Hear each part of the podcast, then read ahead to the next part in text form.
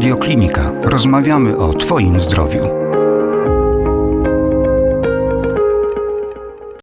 Audycja powstała przy wsparciu promotora marki Kontraktubex plastrów skutecznych w leczeniu blizn. Przed mikrofonem radiokliniki pani profesor Irena Walecka, kierownik Kliniki Dermatologii Centralnego Szpitala Klinicznego MSWiA w Warszawie. Dzień dobry. Dzień dobry Państwu. Chciałbym, abyśmy dzisiaj porozmawiali o niebezpieczeństwach idących w ślad za wizytami w gabinetach medycyny estetycznej. Idąc do takiego gabinetu, co w obecnych czasach jest niezwykle modne, szczególnie u kobiet, aby poprawić sobie nieco urodę, nie liczymy się z tym, że możemy wrócić z takiego gabinetu z różnego rodzaju przypadłościami, to w wielu przypadkach dość ciężkimi. Czy tak jest w istocie? Znaczy ja myślę, że e, przede wszystkim jak się kierujemy do gabinetu medycyny estetycznej, to musimy sprawdzić, jaki to jest gabinet, kto w tym gabinecie przyjmuje i czy na pewno przyjmuje lekarz, dlatego że jak sama nazwa wskazuje, medycyna estetyczna to jest medycyna, czyli medycyną się powinni zajmować lekarze, a nie osoby, które mają wykształcenie albo paramedyczne, albo w ogóle są bez wykształcenia medycznego. Ale na szylach pani profesor często spotykamy stwierdzenie specjalista medycyny estetycznej. To ja tak od razu, żeby rozwiać wątpliwości, nie ma w ogóle takiej specjalizacji, nie ma nawet takiej umiejętności. Jedyną rzecz, którą takie osoby mogą mieć, ale to są tylko i wyłącznie lekarze, mogą być na przykład po studiach podyplomowych na uniwersytetach z zakresu medycyny estetycznej, plus oczywiście mogą być po różnego rodzaju szkoleniach. Natomiast nie ma takiej specjalizacji i raczej w najbliższym czasie oczywiście powoli, powoli myślę, że nasz rynek polski zaczyna się trochę dostosowywać do rynków europejskich, czyli pewnie jakieś regulacje w zakresie medycyny estetycznej będą, ale myślę, że to jeszcze nie w najbliższych kilku, kilku latach. Dokładnie. Natomiast niestety no, medycyna estetyczna to jest takie dziecko wszystkich i niczyje, dlatego że wszyscy chcą ją robić, a naprawdę jak są później powikłania, to nikt się nie chce tym zajmować. I najgorsze jest to, że lekarze też oczywiście robią powikłania, jeżeli chodzi o zabiegi medycyny estetycznej, ale przynajmniej mają wiedzę, co z tymi powikłaniami robić dalej, albo przynajmniej wiedzą, kogo się spytać i gdzie takiego pacjenta odesłać.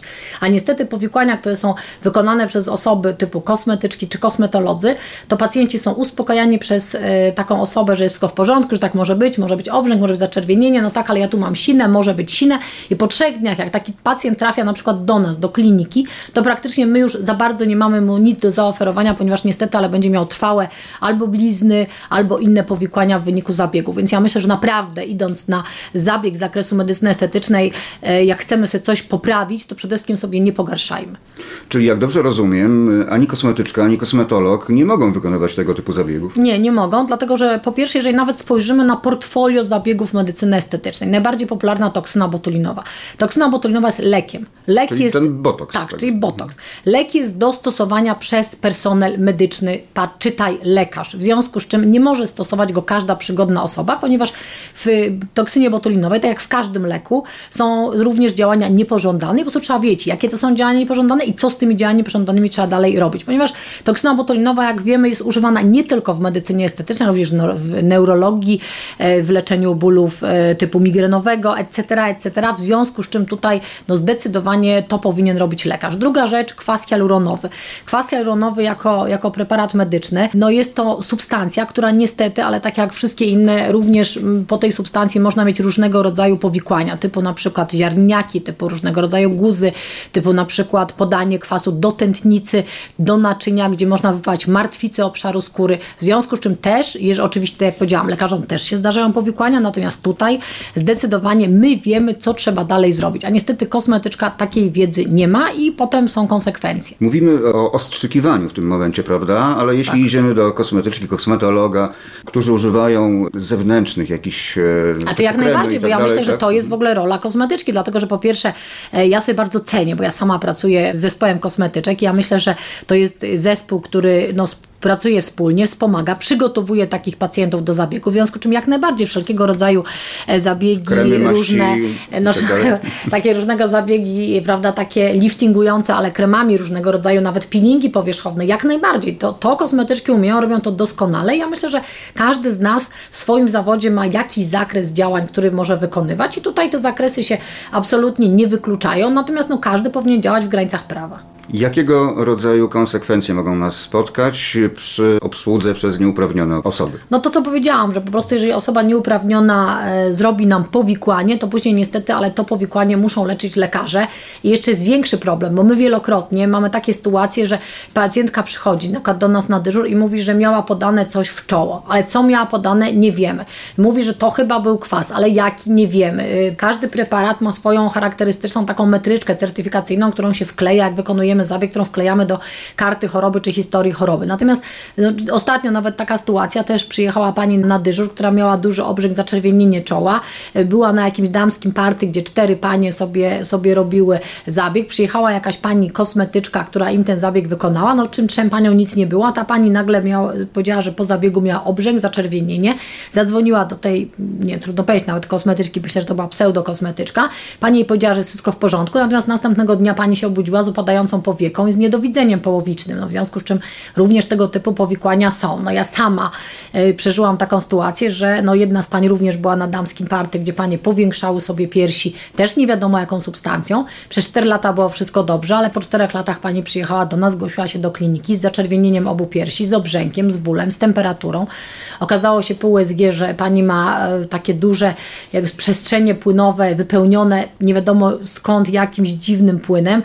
Zostało to oczywiście wszystko pobrane do badania. Okazało się, że to jest w ogóle jakiś silikon przemysłowy i niestety, ale skończyło się na tym, że tej pani musiała, pani doktor chirurg plastyk, amputować obie piersi, więc to naprawdę są już przykłady no mocno drastyczne, prawda? Tak, że sobie można ekstremalne wręcz.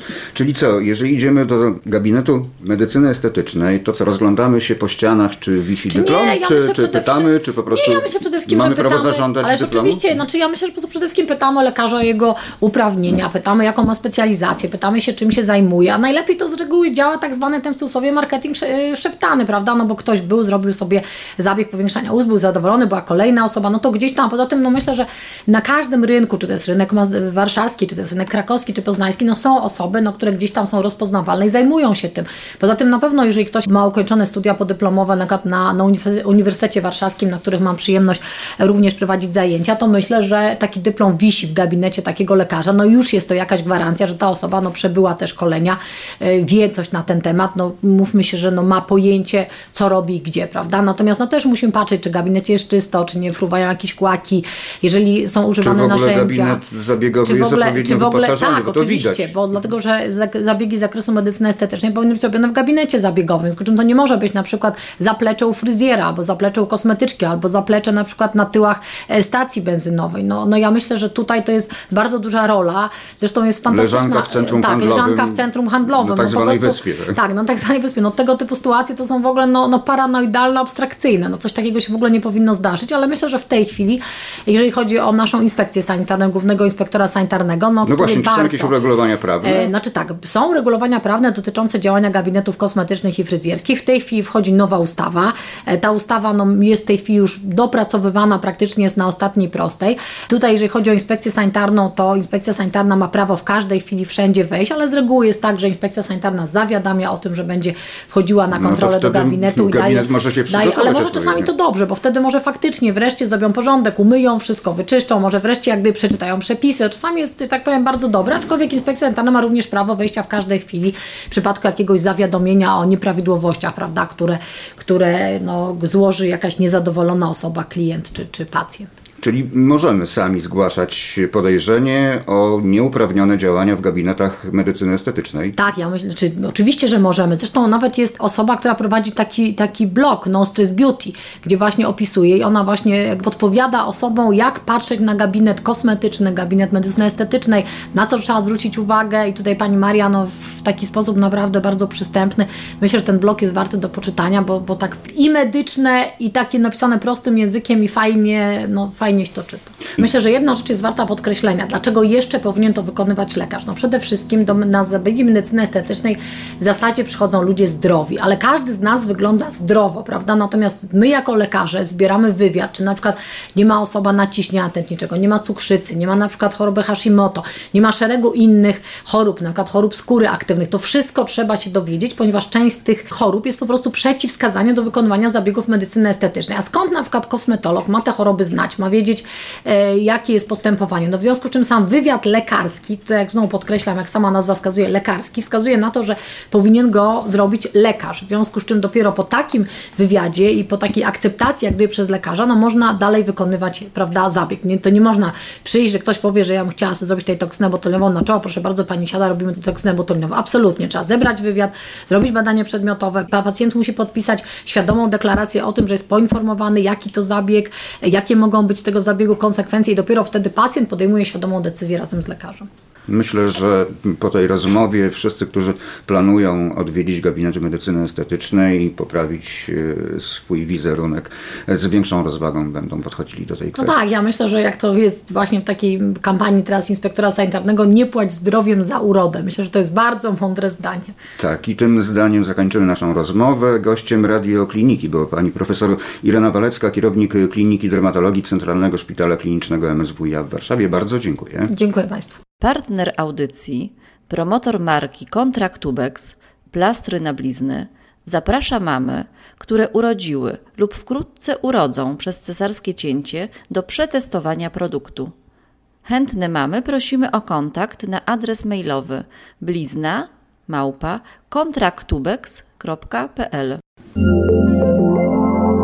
Więcej audycji na stronie radioklinika.pl i w naszej aplikacji mobilnej.